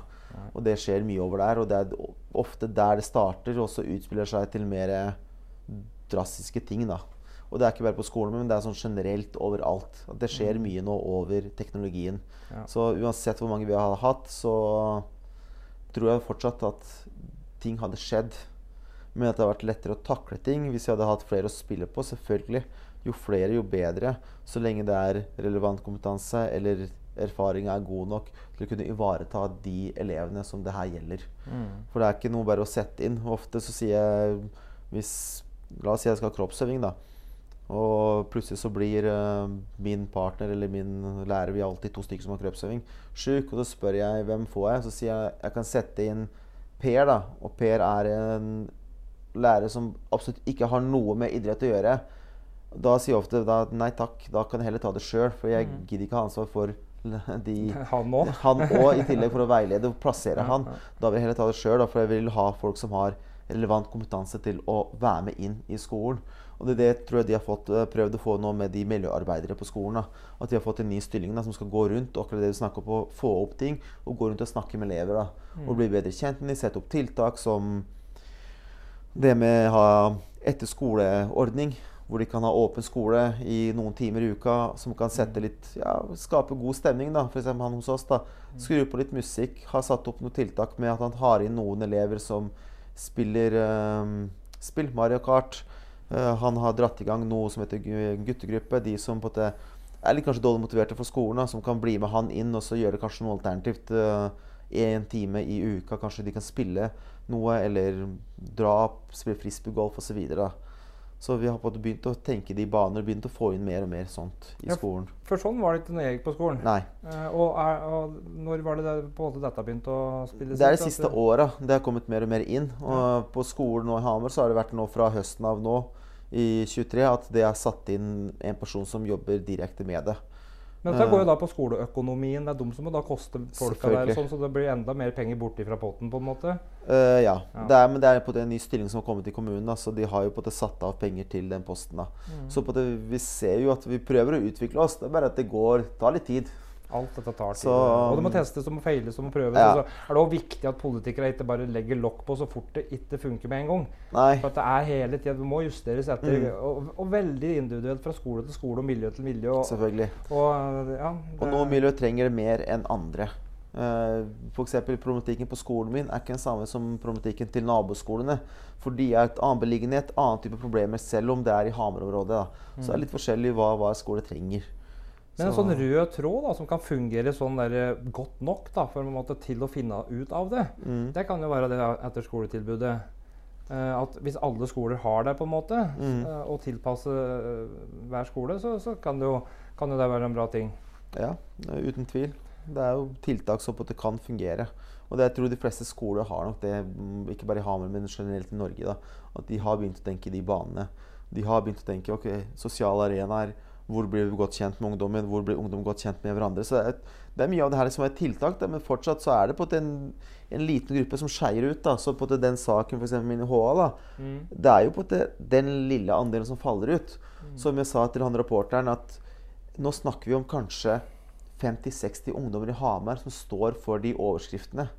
Det er 50-60 til Ja, sammen. jeg tenker det er sånn ca. 50-60 ungdommer som på en måte skaper litt av det utrygge. Sånn inn og ut, for noen av de blir litt eldre, og så på en måte danker ut, så kommer det ny inn osv. Men det er jo på måte, det er en liten andel i forhold til hvor mange ungdommer vi har i Hamar. Når vi tenker på at Bare på skolen min så har vi 330. Eh, på Børstad og Aier, naboskolen, så har de flere elever enn oss. da. Så vi snakker om på en måte kanskje av rundt 1000 elever, da, så er det på en måte ca. kanskje 50-60 elever som på en måte er innblanda i det her. Og den innblandingsgraden er relativt Noen av de veldig lav, at de bare er til stede. Andre er at de faktisk har utført handlinger. Så på det er en liten prosent i forhold til hvor mange det egentlig hvor mange det er. da. Så på måte, um, skal ikke en bare framstille at ungdommen i Hamar har et problem. Her er det. Ja, vi har hatt en økende tendens, dessverre. Men det finnes også mye flott ungdom i Hamar som vi kan spille på. Og Ja, ja, Som jeg nevnte for eksempel, like at jeg bruker på crossfiten min. da, Positiv ungdom som skal hjelpe de andre. Nei, og dette er jeg helt enig med deg, i. Vi, vi ser jo bare det media presenterer. Mm. Og media er vel kanskje ikke helt eh, si, upartiske til tider. Eller, altså, det, vet ikke hva de gjør for noe, men eh, vi hadde en sak her nå eh, i, i Brumunddal her, blant annet, om det var en eh, elev som hadde vært utagerende. Mm. Og, um, og jeg kjenner jo ikke saken personlig, men jeg skrev et lite leserinnlegg om det i avisa. For at eh, Mm. jeg fikk en sånn der følelse av at faen, dette her har jeg opplevd før. Mm. Når jeg var på den alderen der. Og Ja. det var jo aldri den stolen det gjaldt. Det var aldri den der pennalet som forsvant uh, og Mm. ble kasta gjennom. Altså, det var alltid lang altså, En god årsak bak det. Alltid fra foreldre hjemme, altså Mm. overgrep, mishandling, diagnoser altså, og, og ikke minst mobbing og trakassering over lang tid, som gjør at begeret blir fullt. Selvfølgelig. Uh, så jeg mener at media har et ansvar da, med å, å grave litt dypere, mener jeg, før de bare presenterer en del av saken. Jo da, men på en annen måte så skjønner jeg at media presenterer det her. da. For det viser også litt hverdagen hva f.eks. lærerne har å stri med. Nå har vi hatt to hendelser. Både en på Katta så har vi hatt en på Ringsaker. Og det nyanserer litt problematikken som vi faktisk opplever i vår hverdag. da. Selv om det er de, det lille prosenten, men det er faktisk den lille prosenten på at det gjør det litt utrygt for uh, lærere og for medelever. da. Så jeg skjønner når de presenterer, og de, når de presenterer, så på at det blir litt opp i systemet, da, som du snakka på i stad. Få oppmerksomhet. Få oppmerksomhet rundt det her. da. For det, faktisk, er en liten økende problem. Ja, det gjelder en viss andel, men den lille andelen kan fort bli større hvis det ikke blir satt inn noen tiltak. da. Og Det er derfor også HA tok kontakt med meg, da, fordi de vet at jeg prøver å gjøre noe med saken. Mest, altså Mye frivillig basis, nå gjennom Ung 16 og gjennom skolen osv. Men det er på det mange som meg da, som på det prøver å få gjort noe med det her. da, For å få sette inn tiltak på det her. da. Ja, og vi, vi, vi, burde, altså vi som engasjerer oss litt sånn lokalt her, vi burde egentlig kanskje ha laga en liten sånn mastermind-gruppe hvor vi møttes eh, en gang i måneden eller oftere. Og, Ja, erfaringsdeling er alltid bra. Ja, så, så prate litt om hva som skjer og hva som Mm. fungerer og ikke. For jeg, jeg tror eh, det kan eh, korte ned den tida vi bruker på da. Hvis, det vi- hvis, en møtes, hvis, hvis sånne som oss, da, som er engasjerte, møtes Mm. og, og en time eller to i måneden og sier liksom at det, dette her prøvde vi her, og det funket i det hele tatt. Da slipper vi å sitte på tua vår nede i Brumunddal og, og gnage Ja. på deg i tre måneder før vi finner ut at det ikke fungerer, vi òg, liksom. Mm. Så jeg tror at hvis vi lager et nettverk, da, og, og en annen ting jeg kanskje savner litt, er um, For én ting er jo de som på en måte drits ut litt og får nye sjanser, og som kommer på treningssenteret dit og får muligheten til å rydde opp for seg og sånne ting. Eh, men jeg er jo litt sånn opptatt av at de som For, for det sitter jo noen foreldre her som garantert føler på både skam og skyld og sinne og frustrasjon og alt, så, som er uh, foreldra til, eh, til eh, den ungdommen som har gjort det her òg. Mm. Og uansett da hva grunnen er, da, så er det kanskje vanskelig å spørre noen etter hjelp. For at det, du er liksom den skyldige, eller og du er redd for å få barnevernet på nakken. For Mm. at det, det er jo veldig kort vei fra en skolesag, eller en- et tiltak, eller en skole som går tom for tiltak. Mm. bruker jo, Det kommer også fram i media at skoler bruker nå da barnevernet som neste tiltak, for at de har ikke flere tiltak å vise til Mm. statsforvalteren. Så da sender de barnehjem hjem til uh, de foreldra. Og der er jeg jo i kontakt med foreldre som har hatt tre runder med, fire runder med statsforvaltere hvor de har fått medhold i saker. Hvor det enda så kommer barnevernet for at de, har, et- de, an, de skal ha et tiltak, og så er det ikke noe mer tiltak. Så da må de ty til barnevernet, for de har penger. Så de har råd til å følge opp. Eh, og så blir jo den telefonen veldig vanskelig å ta, ikke sant? for du vet at nå kommer barnevernet igjen. Vi orker ikke dette styret, for det er veldig energibetalt. Ja. Ja, men det er litt sånn sånn Folk har litt sånn misoppfatning hva barnevernet gjør òg. ofte så tenker de bare barnevern kommer inn og ødelegger mye, tar ut fra familien. Og det er ikke når på skoler eller andre instanser som kontakter barnevernet, det er for å få hjelp mm. på tiltak. Og ja, de har litt, kanskje mer ressurser, litt mer økonomi til å rute med. Og det er ikke nødvendigvis sagt at da er det kun for å få den ungdommen ut av hjemmet. Det er for å faktisk sette tiltak. Og da er det også tiltak både for ungen og for foreldra. Vi har jo bl.a. MST som skal inn og jobbe med familier. Så det er mye av de tiltakene som på det kommer eh, ved å melde fram til barnevernet. For da på har vi én flere på støttespillere å spille på da, som kan hjelpe oss i saken videre. Så det er mange på det som ser bare negativt på barnevernet, men det er, det er ikke bare negativt. Det er for å hjelpe. Og det er jo ikke for altså Ingen som melder fra til barnevernet for å være idiot. Det er for å få hjelp. Og det er bare at misoppfatninga her i Norge har på det vært mye, for det er mye negativitet rundt barnevern. At øh, den kommer inn, ødelegger, tar ut, ut fra familien osv. De tar ikke ut av familien hvis det absolutt ikke trengs. Nei. Og det vet jeg ut ifra jeg jobber på institusjon. Jeg får jo mye av de ungdommene til meg på institusjonen hvor jeg jobber på. Så det er på, ikke, de tar ikke ut uten noen grunn. Ofte så er det en grunn. Bare at dessverre så er det de som har på det fratatt, de roper veldig høyt. Og så blir det her noe negativt, da. Men som oftest, da, jeg nå skal ikke si 100% men som oftest så er det en grunn. Og ofte når vi setter inn, når skolen melder fra Jeg vet i at jeg har jo meldt fra til barnevernet flere ganger. Og det er ikke fordi jeg mener at foreldre er noen dårlige foreldre. Det jeg mener at her trenger vi hjelp. Og det, du Vi vet at det er ikke. mulig å få hjelp? Ja, det, liksom. jeg vet at barnevern har tiltak som vi ikke har. Som de kan sette på banen for at den familien skal få hjelp. Så er det på en litt sånn misoppfatning. Da. Så det er kanskje at informasjon om egentlig hva barnevernet gjør, og burde vært kanskje litt bedre til foreldre, så de skjønner at det er ikke på en måte bare nødvendigvis farlig å få barnevern på døra si. Det er som Det går fint. Det er eh, det var ikke Det er for å hjelpe. Og det var ikke det, det, var ikke det at jeg ville at jeg hadde, at det var, at de hadde hatt Og det var ikke at de hadde hatt en negativ opplevelse med selve barnevernet heller. Det var bare at det, de tilfellene Og jeg prater jo på de ekstreme tilfellene, de som Mm. har vært utafor skolen i mange år eller måneder. Uh, igjen, da. Ikke kanskje den største gruppa. Men uh, når du har liksom hatt tre-fire saker med statsforvalter hvor du har fått medhold Og jeg så i avisa her òg at ni av ti elever som hadde blitt eh, som hadde hatt foreldre som var meldt inn til statsforvalter, fikk faktisk medhold òg. Mm. Så det vil si at det er kanskje bare én da, av ti da, som kanskje er en reell eh, vi, å bli videresendt for å få ytterligere hjelp hos barnevernet Mm. eller støtte der. Og de jeg har prata med, de har ikke hatt noen negativ opplevelse med barnevernet, men de opplever veldig ofte at uh, lærere på skolen blir veldig frustrerte etter tredje runden Mm. med barnevern og tiltak, og foreldre har møtt opp på de kursa, foreldrekursa, oppfølgingskursa, inkluderingskurs, og altså de har Mm. gjort jobben da, og brukt mye tid og penger på dette. Eh, men det var jo så ille at eh, skolen, en, av de skolen som jeg, uh, foreldre som jeg pratet med, så hadde de fått beskjed av skolen at når barn ikke på, eller ungdommen ikke ville på skolen, så skulle de bære han ut i bilen.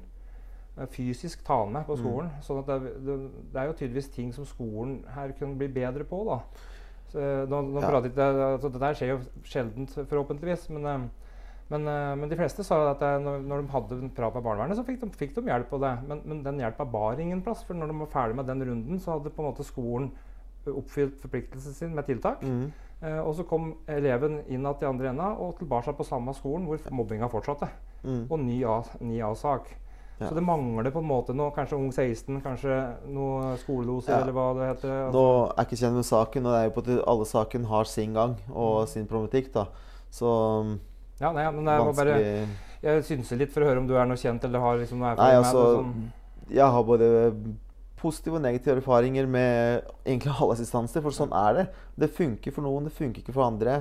Eh, vi må samarbeide og gjøre det beste ut av det her. Og spille på lag og ikke spille mot hverandre. Og det er ofte på at det kan fort skje da, at man på at det blir litt sånn i hugeren mot hverandre istedenfor å ha det samarbeidet. For til syvende og sist så vil alle ønske barnets beste her. Og det er det vi må tenke hele tida. Uh, og de tilfellene jeg har jobba på Jeg er jo brutalt ærlig. Jeg ringer og sier fra. Jeg kommer til å si sånn, sånn og sånn. Og det er ikke, for jeg gidder ikke pakke inn. Jeg er ærlig. For at vi skal få den hjelpa vi trenger, så må jeg være ærlig på det her. Om det sårer Ja, det kan være hardt å høre det, men det er realiteten. Deal with it, sånn at vi får hjelp i ungen. Så er det noe med den åpenheten og prøve å få til samarbeid og skjønne at vi er ikke ute etter å ta hverandre. Vi er ute etter å få mest mulig hjelp til å hjelpe den ungdommen. Hva det er, om det er skolevegring, eller om det er problem med å forholde seg til regler, eller om det er eh, at man tar feil valg. Samme det. Så lenge vi får på dette hjelp, og vi får hjelpe den ungdommen, det er det som er viktigste. Ungdommen i fokus. Helt klart. Uh, for å prate litt på den grupperinga du sier, da, de 50-60, som på en måte er, er uh, de som får mye fokus da, mm. på det som skjer. Uh, jeg mener jo at som jeg sa innledningsvis her, at jeg mener at nesten alle fortjener å bli hjelpa og mm. få den hjelpa de trenger. Og nesten alle, alle kan, kan, klare det òg, mener jeg. Ja. og hva hva, altså, prater du noe med de 50-60 ungene? Hva er ja. drømma deres? Hva ønska deres? Altså, hva er det de kunne ønske seg at det var mer av, eller annerledes? da, For at ja. de ikke skal ha så mye fritid? eller at, Hva slags hjelp trenger de, eller ønsker de? Eller? Nei, Som jeg sa i det artikkelen, liksom det er noe med å se gjennom de. Eh, gjennom alt den på til, hva skal jeg si, kalle for driten som de framviser, da, ved at vi har en annen oppførsel som ikke er akseptabel i samfunnet at de raner folk, f.eks., eller at de havner i bråk med slåssing osv. Det er noe på å se litt forbi det og se på at det, den ungdommen bak all de tingene der, da, Se, ser jo ikke greit. Hva er egentlig dine kvaliteter? Hva er dine interesser? Hva er det egentlig du liker? Og begynne å jobbe med dem på den måten her. Så jeg har snakka mye med dem, og mange altså, det jeg ser her i Hamar, er at de har litt den der kaller for gangsterkulturen. Mm. At de skal gå og leke litt uh, kule og tøffe. De raner folk og gjør litt sånn som de ser på filmer og serier osv. Men når, både, når jeg snakker med dem, mange av dem, og har sett hva de sier Jeg var bl.a. på VG sånn videregående skole besøksdag. Og så spør, Da var det på salg og service, og da var det tydeligvis overprestert gruppe av de ungdommene der var jo eh, ikke legge skjul på, det var minoritetsbakgrunn. Mm. Og når læreren der spør hva er eh, drømmen deres, så rekker de opp hånda. Samtlige sier 'tjene penger'. Og da var de på salg og service-linja. Mm. Og da var det på at målet er mm, penger, penger, business. penger. Business. De vil ha penger. ikke sant? Mm. Det er det som var målet til mange. Ikke nødvendigvis alle, men det er De vil ha penger, de vil ha økonom, god økonomi. Og da kan det skje ut at de gjør dumme ting. da, Stjeler osv. Så det er liksom det er, de har, Alle har mål. Mm. Det er bare at de tar kanskje litt feil valg nå. Men det er jo noe å veilede de inn på riktig vei igjen. da. Ved både samtaler og ved å gi dem mulighet. For det er mange som ikke vil gi de her gutta eller jentene mulighet til å komme seg tilbake.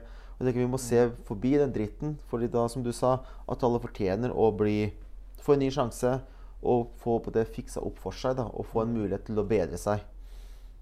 Så jeg det er det jeg jobber litt med. trenger noen runder for å, å, å skjønne at, uh, at, vi er de personene som gir dem de sjansene de trenger. For ja. det, det, er nok, det, er ikke alltid at tre strike er nok. Det kan hende på måte 10 og 12 og 15 og 20 uh, runder med både små og store ting før, det på en måte, før jeg som ungdom har tillit til deg. da, At, det, at shit, han er jo faen litt ute etter å å bare Nei. ta meg eller snitche eller altså han, han, han, han, snakker både om og med meg pga. at han faktisk bryr seg ja. og vil mitt beste. Og, det, og, den tilliten der bygger opp at den når du kanskje aldri har hatt den, eller at den har blitt skikkelig misbruka før, mm. det tar tid, altså. Ja, og det er det jeg har prøvd å prøve litt på her med de ungdommene, i hvert fall de jeg kjenner til, da, mm. er at jeg spør mye. Og for å få informasjon. Og det er ikke for at jeg vil noe vondt, men det er for at det er lettere for meg å prøve å hjelpe dem. Mm. Uh, og jeg jobber jo på altså Når jeg tar tak i ting, så er det ut ifra informasjonen jeg får av andre ungdommen. Uh, for det er de som må fortelle meg ok, det her skjer sånn og sånn, for at jeg skal kunne klare å ta tak i det. Så jeg må ha en viss tillit, da. Og den tilliten er ikke, den er ikke bygd på dagen. Og, så jeg er liksom avhengig av å ha litt tillit hos enkelte som kan på en måte gi meg informasjon, sånn at jeg kan hjelpe de enkelte som det her gjelder. Mm. Og det er ikke sikkert jeg klarer å hjelpe dem, men jeg kan i hvert fall prøve Og så får de drite seg ut da, en gang på gang på gang, og så kanskje du skjønner greit Kanskje han skalla utlendingen eh, hadde Faktisk det han sa, var kanskje litt vettug. Kanskje jeg skal faktisk gjøre noe med det. Kanskje jeg skal heller spørre om hjelp med han eller noen andre, da. Og dette må jo òg læres ved at du faktisk erfarer det. For at, det, at, du sier det, det betyr jo ingenting før, før du før, for altså, Monkey see, monkey do. ikke sant? Uh. Altså det, du må faktisk vise det med handling. Og, og en av mine viktigste lærepenger eh, etter å ha vært i et kriminelt miljø og rus i, i 15-20 år, eh, så, så, ble Altså jeg, jeg satt i en bil da, som det ble skutt ifra og på. Mm. Eh, hvorpå, hvorpå, jeg meldte meg etter hvert, eh, med avtale med han kameraten min. Mm. Om at jeg gidder ikke å sitte og gjemme meg. Altså Jeg står for min del av det. Jeg bare går inn og jeg, jeg, jeg leverer ikke noen forklaring, men jeg orker ikke å gjemme meg mer. Så da sitter jeg heller i, i varetekt til å finne ut av det liksom sjøl. Mm. Eh, og, og, det, og det var greit. Uh, og så møter jeg en politimann jeg aldri på en måte har møtt maken til. En som virkelig har vært ute en vinternatt før. da. Mm. Skikkelig svær brenna som, uh, som uh, sa akkurat ting som det var. Og når jeg ringer på en måte han, da, for det var han jeg turte å ringe til, han som hadde gitt meg på en måte den respekten eller muligheten til å mm. åpne opp, at jeg, at jeg, klarte å ta den ene telefonen Hadde mm. ikke han funnet, så hadde jeg aldri vært meldt mer. For det hadde ikke Nei. vært noen ringt til. Men han hadde åpna den døra en eller annen gang som faktisk ga meg en mulighet. som jeg mm. huska. Og når jeg kom inn da til det avhøret, så ringer jeg og så sier at jeg, nå er jeg på tur oppover fra, fra, fra byen og så, og så, opp til Hamar, så da vil du vel gjerne ha meg rett inn med en gang. Nei, jeg står og huset mitt nå. Jeg, liksom, det er litt fint der, så jeg må passe på å få gjort det. Men uh, ettersom det er på tur oppover, så er det vel ikke sånn at du ombestemmer det? Da er det sånn Nei, jeg har nå kommet for å melde meg, liksom. Ja, men kan du love meg det sånn? At det du kommer og møter på politistasjonen klokka ni i morgen?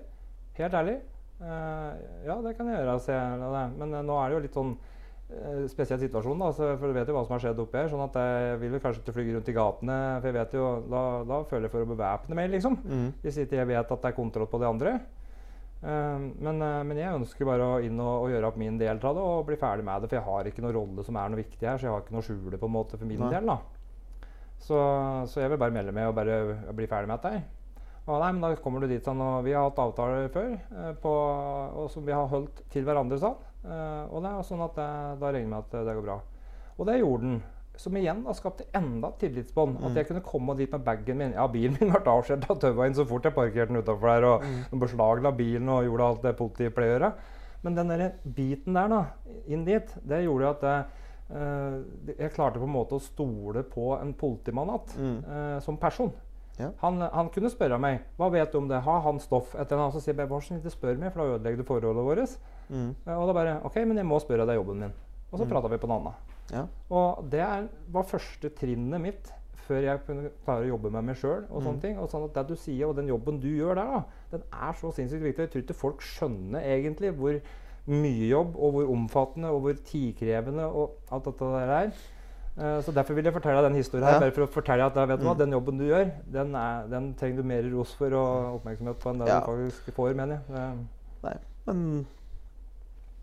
jeg gjør den, og den som, så lenge jeg får noe informasjon, mm. og de har litt tillit til meg, så er det på at det, det er greit. Mm. Da er jeg på at det lyktes. Som sa i HA, at liksom, jeg spør 14-15 ganger før jeg kanskje får noe informasjon. Og det er greit, liksom. Og jeg maser jo på de. På noen av de enkelte så jeg, snakker jeg høl i huet på de. I håp om at kanskje av de tusen setningene jeg sier, kanskje det går inn to av de. Mm. Som ja, det er repetisjon og eh, underbevisstheten. Og, ja, og så er det noe med som sagt, at jeg gir ikke de opp.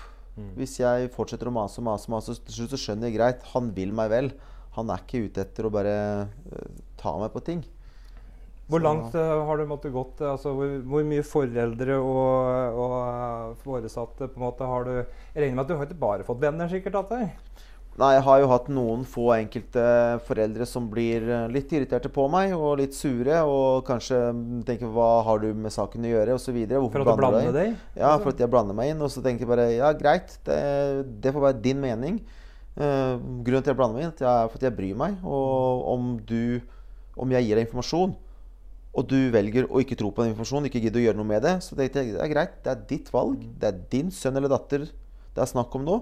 Hvis du stoler mer på de enn det som på blir sagt fra en som har mye kontakter rundt, rundt omkring, som får høre det, greit, da er det ditt eget valg. Eller så kan du høre etter, og så kan du i hvert fall være obs på det. Så nei, ikke alltid venner, men som ofte så setter folk pris på det. At jeg sier ifra. Og jeg, jeg tar heller én samtale for mye enn én for lite. Hvis jeg kan avverge noe, eller hjelpe noen, eller veilede noen på noe, så tar jeg heller den ekstra samtalen. Og så får jeg ta det. Ok, greit, kanskje det går bra, kanskje det går dårlig. Vet ikke, men vi får ta det etter som, som det kommer. Det ordner seg alltid. Det er liksom min innstilling. Så det går bra. Det løser I, seg. i, eh, la oss si det er noen foreldre som sitter rundt og hører på dette, da, eh, som kanskje har uh, krangla litt mye eller dratt den litt langt, eller, Mm. eller både foreldre og ungdom. Mm. Um, hva, hva si, hva Står døra di oppe hvis eh, de kommer og sier 'shit, jeg, jeg beklager oppførselen min', eller jeg, jeg har noen andre meninger enn det', eller et eller annet, men Mm. eh, hadde du tatt praten med dem? Selvfølgelig. Mm. Jeg har ikke noe problem med å snakke med folk, og de trenger ikke alltid være enige med meg. Nei, Og det er ikke meningen at uh, vi skal være enige om alt mulig. Vi kan ha forskjellige synspunkter, Mm. og de kan ha sin opplevelse av saken. Jeg kan ha ikke min opplevelse, men det jeg har fått av informasjon. Og vi trenger ikke i det hele tatt bli enige, men det som er viktig for meg, er å skjønne, at de skjønner liksom at det er, jeg gjør ikke det for å være drittsekk. Mm. Det er for at jeg bryr meg. Og ja, jeg har tatt en Det er på en måte blitt mer sånn hobby Det er på en måte noe jeg prøver å hjelpe til. Jeg prøver å bidra til samfunnet. Liksom. Jeg fikk jo litt veiledning og litt hjelp opp gjennom tida. Jeg prøver å gi det tilbake. Uh, mamma har på måte stilt opp mye for meg. Det er ikke nødvendigvis at alle har, kanskje har en mamma som meg som har stilt opp uansett, eller en pappa eller familie osv. Og, og da prøver jeg på å stille opp for dem. Og da på en så lenge de skjønner at det er greit Han gjør det egentlig at, for at han mener det godt, men at det kanskje blir framstilt feil i forhold til at det er sårende å høre at sønnen din driver med det ene og andre tredje, eller dattera di driver med det sånn. Mm. Ja, men dessverre så er det Det er realiteten. Så Ja, så jeg, så har, altså jeg opplever kanskje at folk blir litt hårsåre, og så har de opplevd at andre folk har vært veldig hårsåre mot dem for at barna deres da kanskje har gjort ting da, som ikke har vært helt innafor. mm, Og da får du mye kjeft av andre foreldre eller de som blir utsatt for det. Og så bygger dette seg opp, og så da får du kanskje som forelder en sånn automatisk forsvarsmur da, som du setter opp nesten før det trengs òg. ja. At det er det, fuck, du er en av dem, liksom. Altså Mm. bare, og Hvorfor gidder du å bry deg? Det, det er ingen som følger opp allikevel, eller gjør det Ja. de sier, eller ja. Så det, er- det er viktig å treffe de riktige folka Ja, ja. og prate med. Ikke, Yes. Så Men du prata litt på det med, med, med etnisitet og de gruppene som samla seg og sånne ting. Mm. Eh, og eh, du sa, var det, Misforsto jeg hvis jeg sa at det, det var den gruppa eh, som, eh, som var veldig opptatt av å tjene penger? Er de mer opptatt av å tjene penger, de med minoritetsbakgrunn, enn nordmenn? Nei, samme det alder, tilfellet var her er var jo at det var ganske mange av de. Vi satt i et klasserom, så var det kanskje sånn litt auditorium, da. Det var kanskje ikke Kanskje 40 elever, og 20 av de var Også Og så halvparten var eh, med minoritetsbakgrunn. Mm. Og på det, samtlige på det rakk opp hånda. da. Så det var på det et eksempel. Siden Ja. det var salg og service. Og der var det på det mange som har interesse for den. da, For alle skal jo bli er Millionærer. Ja. Det er jo målet til mange. Det er lov, det. Så, ja. Jeg syns det er sunt. Ja, det, Så, men det er ikke noe dermed sagt at noen at F.eks. de med norsk bakgrunn at de ikke har lyst til å tjene penger. Det er bare at akkurat det tilfellet der Mm. Og det er ikke til å skjule på at mange av de minoritetsbakgrunn har havna i en del skit. Ikke nødvendigvis i alt, det er også en god del nordmenn der, men dessverre så viser statistikk at det er øh, ut fra hvor mange vi er Altså nå sier jeg vi, altså jeg er utenlandsk sjøl, så Og du kan jo si det. ja, jeg kan si det. At vi på en måte havner eh, litt oftere i, uh, i uønska situasjoner. Så ja, statistikkmessig, da. Jeg er født og oppvokst i Brumunddal. Jeg var 13 år slaget i Brumunddal sto, hvor eh, Jeg vet ikke hvor mange det var, men det var da eh, en god del hundrevis, ikke et par tusen, som fløy rundt og raserte busser. Og blitzere kom opp fra, fra Oslo, og Arne Myrdal eh, og gjengen hans sto her. Og det var, det var krig i gaten her. Mm. Det gikk så biler og alt som sto i veien, var knust. Liksom. Det så ut som den der, Hvis noen har sett Politiskolen, Mm. når det er riotsa nedi der, liksom, der han politimannen flyr foran og, og kaster hjelm og kølle liksom, og bare flyr. Ja. Det var sånn. Ja. Og, um, og her nede så merker jeg òg at det, vi, er, vi har jo blitt by, men det er fortsatt bygd, litt sånn bygdementalitet. Eh, det kan, jeg vet ikke om det, det, du skal ikke lenger enn til Hamar før det forandrer seg en god del. da. Nei, nei. Eh, men eh, men jeg, voks, jeg klarte å vokse opp oppi dette her uten å bli verken rasist eller noen ting. Men jeg merker på meg at pga. praten så kan jeg være litt sånn forinntatt. Altså at jeg konkluderer litt kjapt oppi huet mitt. Eh, Jeg skulle ønske at jeg hadde kanskje vært litt mer nysgjerrig da, og åpen. Og gitt flere, altså ikke bare med minoritetsbakgrunn, men med mennesker generelt. Jeg har blitt en litt sånn derre Pga. media og telefoner og nett så er det sånn at jeg tror nesten jeg vet svaret før Ja. før det skjer. ikke sant? Mm. Men jeg mener jo at, eh, at det er alle, alle, alle kan få det samme tilbudet, mener jeg. Og du kan Mm. ende opp med, med like bra resultat uansett hvor du er, eller hvordan du ser ut. Eller. Hjernen din er på en måte fra samme, Ja. samme plassen, sånn at den fungerer, de samme verktøyene fungerer på samme hjerne. Mm. Uh, men hvor hvor mye mer altså, prøve å stille dette spørsmålet riktig, ja, men det jeg lurer på er Må vi jobbe annerledes med de med minoritetsbakgrunn? Må dem ha deg for å kunne stole på det, eller kan jeg komme og få samme tilliten? eh, Altså, jeg jeg Eller omvendt, da. For at det, Altså At det kan være lettere for én med minoritetsbakgrunn å mm, koble seg bedre opp på en sånn type ungdom. Ja, det kan godt hende. Ikke nødvendigvis, men det kan hende. Men det, til syvende og sist så på det, er, det kommer litt an på mennesket og hvordan han forholder seg til, og hvordan han er med de type ungdommene eller voksne, eller hvem det enn gjelder. da. Men at de kan kanskje kjenne seg igjen, da, at jeg er utenlandsk. At mange av de kan kjenne seg igjen i meg, eller at jeg kan kjenne meg igjen i de. Ja, selvfølgelig. Fordi altså, er du på det oppvokst i Norge og er norsk, så er det på det vanskelig å dra den der Ok, jeg vet åssen det blir kalt for eh, det ene og andre som på en måte er rasistisk ment. da. Mens for meg så er det enklere, fordi ja, jeg har fått slengt dritt til meg for at jeg er utenlandsk opp gjennom tida. Og mm, kanskje brydde meg mer om det når jeg var mindre enn det jeg gjør nå. For nå kan du slenge til meg hva enn du vil.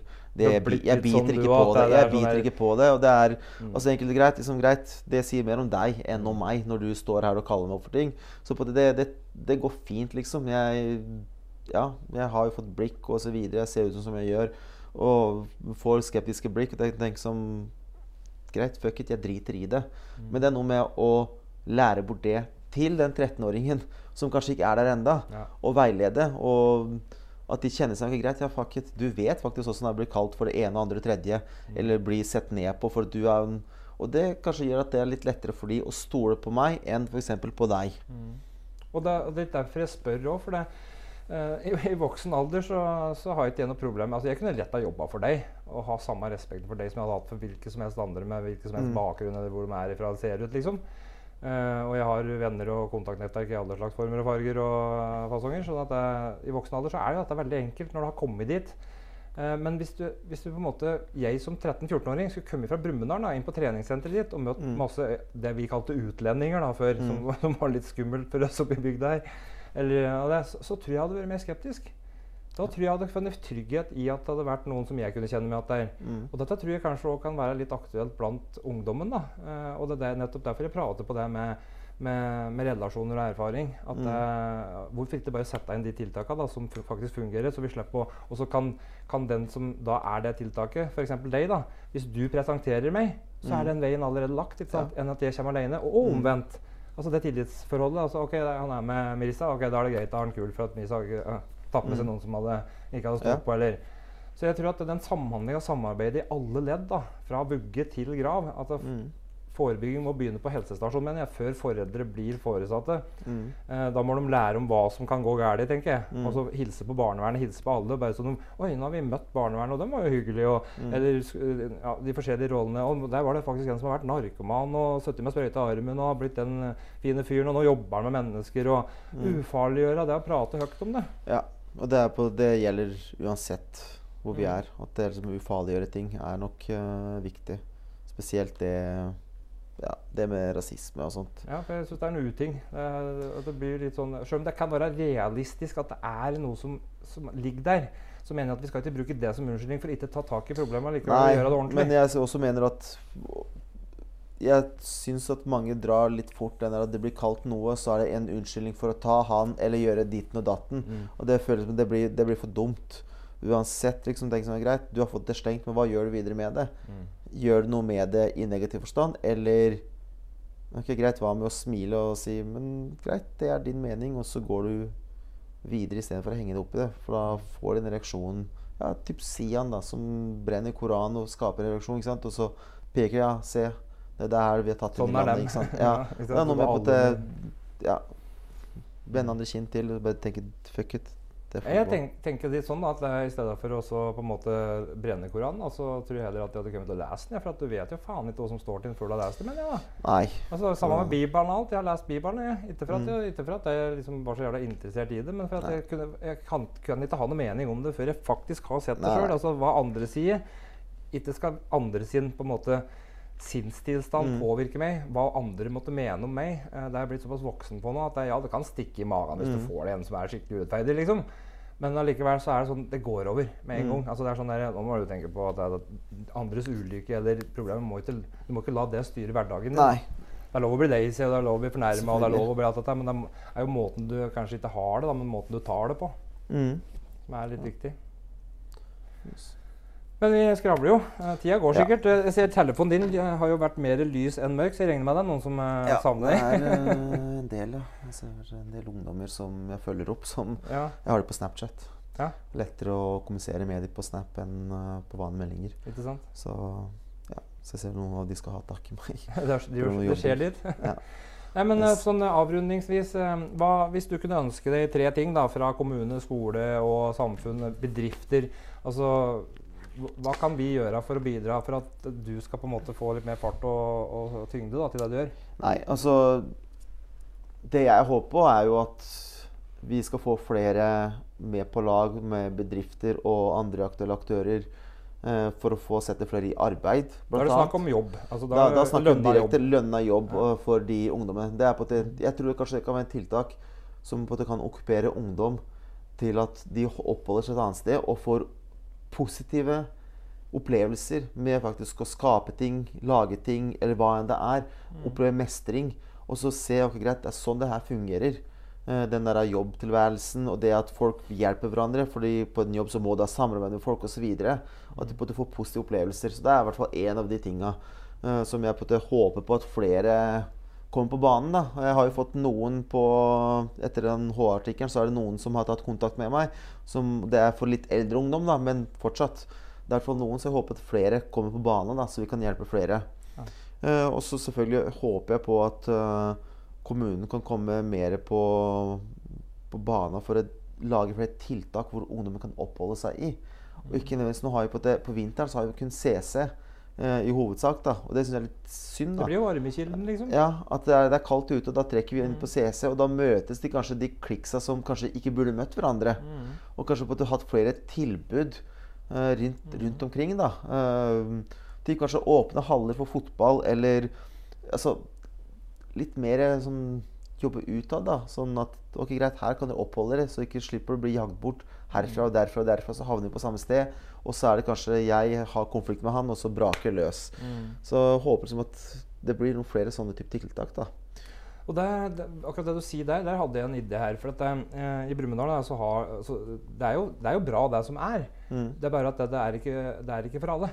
Nei. Sånn at de som ikke passer inn i håndball, fotball, eh, Mm. ungdomsklubben alt dette, Det er de som blir synlige, som flyr rundt og sparker gråstein, og som får litt energi Ja. til overs, som bruker på ting som ikke er bra, kanskje. Ja. Og, og da er det sånn der, jeg, jeg, jeg prater jo med dem, for at jeg var jo såpass heldig å, å få litt oppmerksomhet på TikTok, sånn at de fleste kjenner meg til den ungdomsskolegreia. Og så spør jeg dem, liksom, de som, går på, som surrer litt i gaten, og så spør jeg dem, hva er det hva, hvis, hvis jeg kunne ha gitt dere hva dere ville uten, altså, Ikke tenk på det. Hva ville Han ene ville ha gunner, da. Han var liksom den første. Han ville ha gunner. Ja, se, så du vil skyte? Så pistolklubb, eller lære å bruke våpen. eh, Hvis du hadde fått lov til det, og, og sånne ting, hadde du klart å respektere det? uh, så, så, det, så du hadde håndtert det? Eller er det bare for å være tøff og kul, liksom? Ja, det hadde vært tøft å skyte litt, da. Liksom. Ok, Men hadde du vært villig til å prøve litt på paintball først? Lært om våpenet, altså sånne ting. Og, ja, ja, jo, jo, kunne det være det, da. liksom. Ok, for jeg tror at Hvis du ønsker å skyte med en gunner, så er det ikke sikkert det skjer i dag, men om to-tre år når du blir litt eldre og har bevist at du kan håndtere det, så kan det hjelpe deg med det, kanskje, se, og sette deg inn i en, mm. noen som kan, kan guide deg der.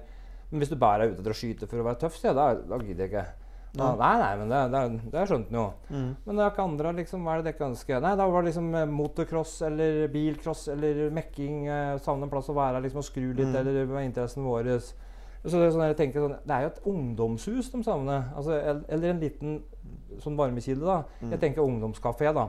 Altså Få, få et bygg da i, i nærheten her som, som vi kan lage en brukerstyrt kaffe, hvor de ungdommene kan komme og få ansvar for kassa, eh, sette i gang tiltakene som skal skje der, ordne gamingrommet, være med og male opp og pusse opp litt. altså Få inn vanlige kunder fra gata, servere dem kaffe, kanskje et smørbrød, et eller annet sånt, og lære litt om hvordan de skal gjøre opp kassa. Og, og så drar vi opp på tunet her, og så kjører vi livdritten ut av noen elektriske crossere så vidt det forstyrrer naboer, og hogger ned noen trær og lager ei bane, liksom.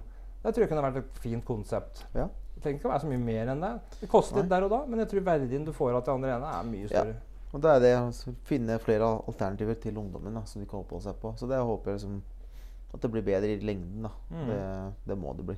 Det må det. Ja, for kan ikke fortsette så- sånn, for da, da blir det stopp. Så det er litt, jeg synes det er litt bedre på sommeren da, når vi har på flere Da kan de oppholde seg flere steder, men på vinteren syns jeg det er litt sårbart. Ja. Så Det skal jeg ta med meg videre, for det har jeg faktisk ikke tenkt på. Mm. At det, det kan være ekstra At vi ser det smell litt ekstra nå pga. det, kanskje. ja, det er Ja, det er mye Mm. Altså mye samlinger, da. For det er varmt. Det er tørt. Men eh, for å runde av litt hvis det ikke var noe mer du tenkte på Nei. Ikke. eh, Hvor er det folk får tak i? Hvis det, det er noen, noen bedrifter noe eller annet, hva- skal de Nei, altså? Telefonnummeret mitt er jo registrert på Stornorsk CrossFit, så den er det alle vet Eller altså, de som kjenner til meg, eh, vet jo at jeg er på et, eier av den. Så de På Espern, ringer Eh, den er på samme Vi er for oss sjøl, men vi er i samme bygg som på Espern-området. Ja. Eh, og så mm, er det på Instagram, liksom. På, for jeg styrer jo alle mine plattformer eh, med litt hjelp. Da, men jeg, det er jo kontaktbar overalt, da. Jeg googla navnet ditt, da kom det opp noen eh, foretak da, og litt sånn, og så jeg tror det skal være mulig å få tak i hvis du vil. Ja, det er fullt mulig. Jobber litt av hvert. Ja, nei, men Da jeg, da skal ikke jeg forstyrre deg mer, for at jeg ser, ser jo at det, du er ja. opptatt. Så Ja, det er mye som skjer. sier jeg bare tusen hjertelig takk for at du kom. Eh, du kanskje vi kan ta en oppfølging og så se åssen det har gått etter vinteren. Ja, supert. Takk skal du ha.